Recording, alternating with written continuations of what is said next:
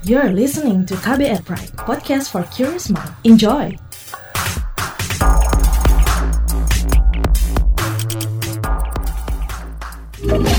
Kamu lagi dengerin What's Trending KBR Pagi. Selamat pagi, apa kabar Anda hari ini ya? Hari ini tepat di hari Senin di tanggal 1 Juni 2020 kita sudah masuk ke bulan Juni, sudah di tengah-tengah tahun 2020. Pagi ini kita masih ngobrolin soal hal yang masih berkaitan dengan pandemi ini ya. Tapi bukan mau ngobrolin soal yang lain-lain sih sebenarnya. Kita masih ngobrolin soal uh, kenormalan baru atau new normal. Jadi ketika new normal mau dijajal di beberapa sektor seperti perkantoran, perindustrian, juga pariwisata, lalu gimana nih jika kenormalan baru itu diberlakukan bagi dunia pendidikan? Soalnya hampir tiga bulan Indonesia memperlakukan sistem belajar dari rumah dan belum lama ini pemerintah menyebut bakal mulai produktif namun aman bagi COVID-19. Maka yang jadi pertanyaan ya muncul pertanyaan apakah sektor pendidikan juga segera dimulai bareng dengan berjalannya roda perekonomian? Sementara itu Ikatan Dokter Anak Indonesia atau IDAI menyarankan agar pemerintah tidak membuka sekolah hingga Desember 2020. Anjuran ini disampaikan untuk mencegah terjadinya gelombang kedua kasus COVID-19. Ketua Umum IDAI Aman B. Pulungan mengatakan saat ini kasus konfirmasi positif COVID-19 masih terus bertambah dan belum menunjukkan adanya grafik melandai. Ia khawatir jika sekolah dipaksa dibuka secara tatap muka, berisiko menambah jumlah kasus karena anak masih sulit menerapkan pencegahan infeksi. Menurut data IDAI hingga 18 Mei, Total sudah ada 584 anak di bawah 20 tahun yang positif terinfeksi dan 14 di antaranya meninggal. Well, seperti apa keputusan Kemendikbud terkait proses belajar mengajar tahun ajaran baru ini? Ini yang akan kita obrolin pagi ini. Sebelum lebih lanjut lagi ya kita ngobrolinnya, kita simak dulu seperti apa keriuhan netizen plus 62 di media sosial terkait ini. Ini dia. Pertama, akun Satya Adiu bilang ada baiknya pendidikan ditunda satu semester. Jadi menunda tahun ajaran baru jadi bulan Januari 2021. Sambil menunggu kondisi normal, kasihan para pelajar atau mahasiswa tidak maksimal dalam sekolah atau kuliah. Indonesia pernah melakukan pengunduran tahun ajaran baru pada tahun 1978-1979. Sedangkan akun @mustangin Ali 3 bilang buka seluruh akses ekonomi, ibadah, pendidikan, lawan corona dengan imun pola hidup sehat, badan sehat, corona sekarat, virus saling curiga antar warga dan saudara harus digilas. Indonesia maju, rakyat bersatu, melawan belenggu dan konspirasi di balik corona. Akun @bb Hermawan bilang, kasihan Indonesia, semua serba salah. New normal jalan pasti covid meledak. Nggak new normal, ekonomi hancur banget, banyak pengangguran. Pedagang-pedagang kasihan. Juga ngaruh banget di pendidikan buat mahasiswa dan pelajar. Apa nggak pusing pemerintah? Ditambah dihujat masyarakat sendiri. Nah, kalau akun integral parsial bilang, menuju pendidikan Indonesia yang lebih baik, hopefully. Akun Agus underscore Bandang bilang, new normal jangan dipaksakan untuk dunia pendidikan. Jangan jadikan generasi muda Indonesia sebagai kelinci percobaan virus corona. Dengan hashtag rakyat dukung new normal. Akun @yuanarian Tresna bilang, jangan korbankan anak-anak demi kepentingan ekonomi dalam balutan baju new normal. Mereka adalah generasi pemimpin masa depan. Akun @mrs Hananto bilang, please mau new normal new normalan please. Buat anak-anak gak usah dulu ya. Please orang dewasa aja susah ngasih taunya. Gimana anak-anak yang tiga bulan gak ketemu teman-temannya? Semua yang punya anak-anak tahu. Campak cacar flu nyebar cepat sekali di sekolah Gimana COVID-19? Kalau akun @nadin underscore olive bilang seandainya new normal diberlakukan di kondisi red zone dan sekolah sudah dibuka kembali, saya akan mengeluarkan anak-anak saya dari sekolah. Saya lebih memilih anak-anak saya menjalani homeschooling sampai pandemi ini berakhir. Nyawa anak-anak lebih berharga. Nah, yang terakhir akun d4 tuk underscore t4 mburin bilang gue sih setuju-setuju aja kalau diberlakukan new normal dengan syarat satu, presiden dan menteri-menteri belusukan ke pasar-pasar tradisional selama dua minggu. Dua, anak dan cucu-cucu pejabat masuk sekolah duluan selama dua minggu. Tiga, para pejabat naik mobil umum ke kantor. What's Trending KBR Pagi bolak-balik buka online shop. Kamu bisa loh beli produk Wardah, Emina, dan Makeover dengan diskon yang menarik up to 30% di Shop Space Jakarta. Produknya dijamin original, ditambah promo dan diskon menarik. Kamu juga bakal punya virtual personal shopper yang akan membantu konsultasi kecantikan online secara gratis. Yuk buruan follow akun Instagram at shopspace.jkt dan belanja produknya lewat Shop Space Jakarta di Shopee. What's Trending KBR Pagi Masih di What's Trending KBR Pagi Masih bersama saya Don Brady Yang masih siaran dari rumah Belum jalanin new normal nih Jadi kita balik lagi nih ngobrolin soal gimana ini kenormalan baru atau new normal di dunia pendidikan ya. Jadi sebenarnya kapan sih mulainya tahun baru, uh, tahun ajaran baru maksudnya akan dimulai kembali? Di tengah pandemi COVID-19, PLT Direktur Jenderal Pendidikan Anak Usia Dini, Dasar, dan Menengah Kemendikbud, Hamid Muhammad menegaskan bahwa ada perbedaan antara dimulainya tahun ajaran baru dengan tanggal dimulainya kegiatan belajar mengajar untuk tatap muka. Seperti apa jelasnya kita simak penuturannya berikut ini. Dengan dimulainya PBDB ini sebenarnya itu sudah jelas bahwa kita tidak memundurkan kalender pendidikan itu ke Januari. Kenapa tidak memundurkan? Karena kalau dimundurkan, itu ada beberapa konsekuensi yang harus kita sinkronkan. Jadi yang pertama, kelulusan siswa SMA itu sudah diumumkan. SMP juga iya. Sebentar lagi SD. Artinya kalau sudah lulus, kemudian diperpanjang, karena yang lulus ini mau dikemanakan? Termasuk juga perguruan tinggi itu sudah melakukan seleksi ya. Ada yang SNMPTN dulu yang sudah seleksi awal. Kemudian nanti bulan Juli itu akan ada juga SBMPTN. Jadi ini harus sinkron. Tahun pelajarannya mulainya itu tetap sama. Tapi pola pembelajarannya itu yang mungkin akan berbeda. Nanti tanggal 13 Juli itu kan sebenarnya Senin minggu ketiga. Kenapa tanggal 13 Juli? Karena memang mulainya tahun pelajaran itu biasanya pada bulan Juli, minggu ketiga pada hari Senin. Nah, kemudian seperti apa pembelajarannya? Kemungkinan besar nanti sebagian daerah, sebagian besar sekolah itu akan tetap melakukan pembelajaran jarak jauh, terutama untuk daerah-daerah zona merah dan zona kuning. Kemudian yang kedua, pembelajaran tatap muka itu kemungkinan itu akan dibuka di zona hijau Nah, zona hijau sekarang ini menurut ketetapan gugus tugas itu ada 108 kabupaten yang selama dua bulan terakhir ini belum ada kasus satupun COVID. Tetapi siapa yang menetapkan zona hijau itu semuanya diserahkan kepada gugus tugas dan Kementerian Kesehatan. Zona-zona merah sama zona kuning yang sudah ada ODP, ada PDP, itu kemungkinan itu masih pembelajaran jarak jauh. Nah, Komisi Perlindungan Anak Indonesia KPHI juga mengingatkan pemerintah agar tak buru-buru menjalankan tatanan kenormalan baru alias new normal dalam ranah pendidikan. Komisioner KPAI bidang pendidikan Retno Listiarti mengatakan aktivitas belajar mengajar di sekolah boleh dilakukan jika sudah memenuhi sejumlah syarat seperti kajian ahli, terus juga kelengkapan sekolah dengan infrastruktur kesehatan hingga nihilnya kasus positif COVID-19. Jika pemerintah memaksakan kenormalan baru untuk kegiatan belajar mengajar di sekolah, ia khawatir hanya akan membuat sekolah menjadi klaster baru sebaran virus COVID-19. Waduh, ini nih ya bakal jadi ada klaster baru lagi. Nah, lebih lanjut kita ngobrol bareng Komisioner KPAI bidang pendidikan Reto Listiarti. Oke, Bu Retno, seperti apa pandangan Anda jika kenormalan baru dijalankan di dunia pendidikan?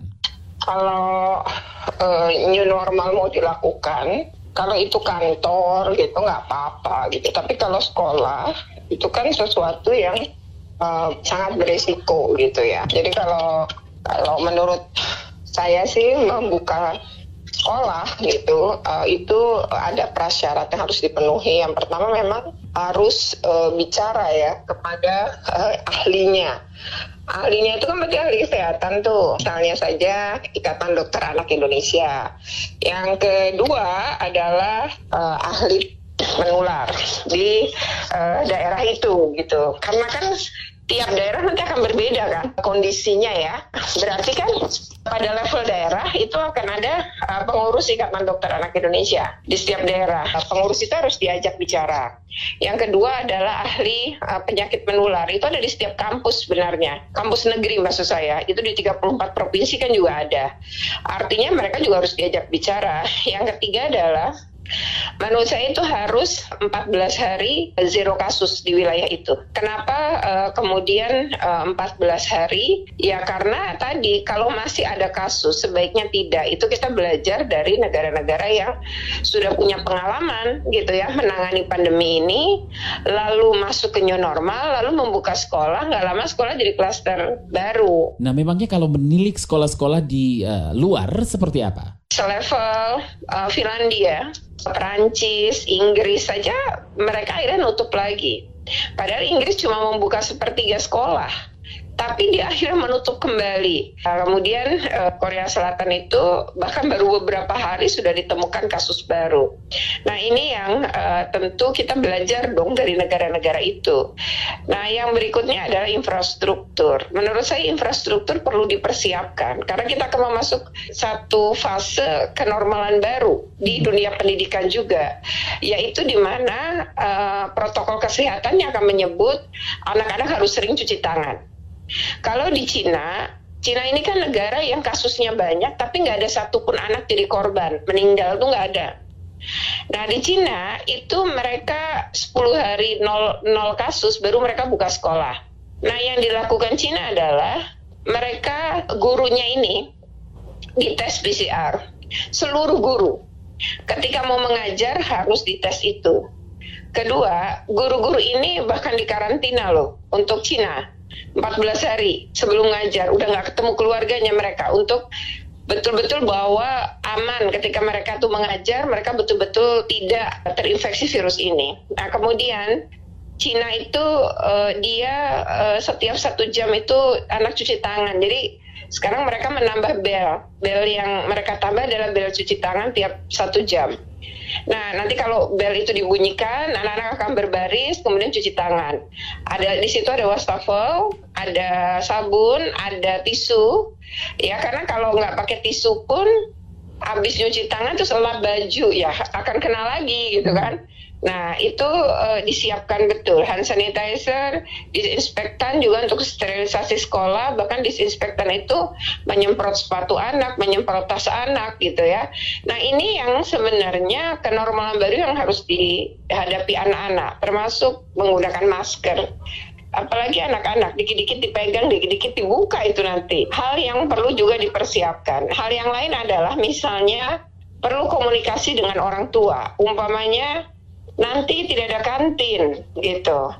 Kalau tidak ada kantin berarti anak-anak harus bawa bekal. Kenapa kantin nggak ada? Karena kantin bisa jadi kerumunan dan anak bisa pegang macam-macam sementara itu akan jadi tempat penularan gitu. Jadi ini yang harus disiapkan. Nah sekarang tengoklah sekolah Indonesia.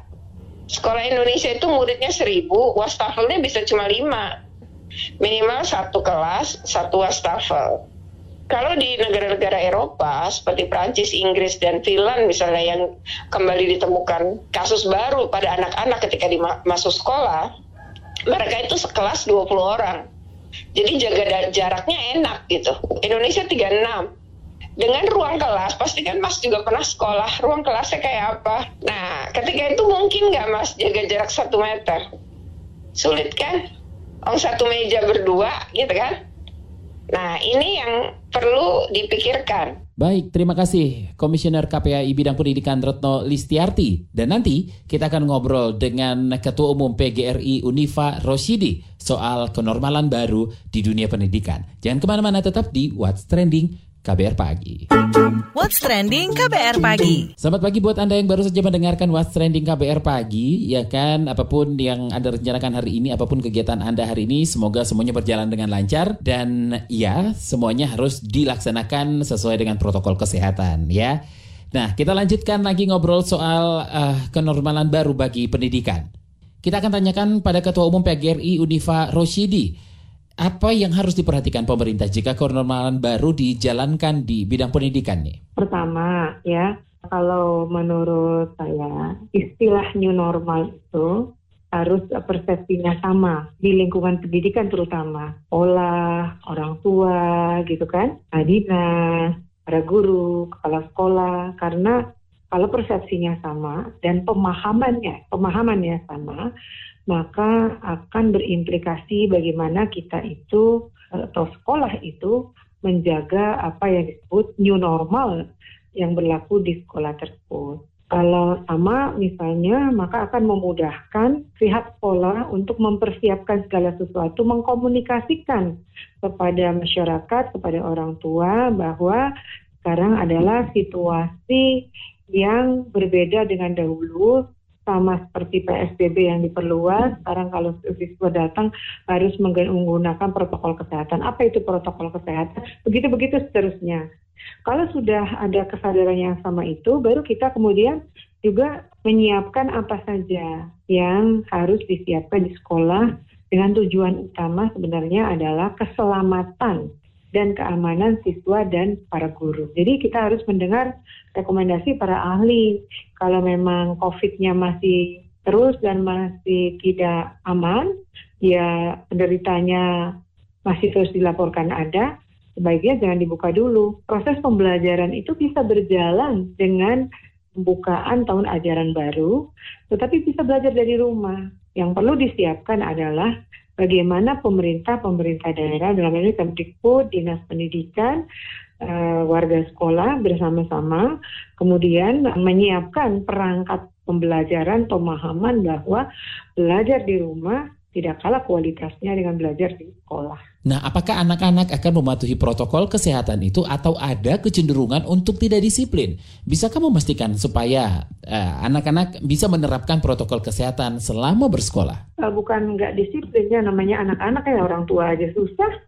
Apalagi kan sekian lama, eh tuker-tukeran yuk gitu.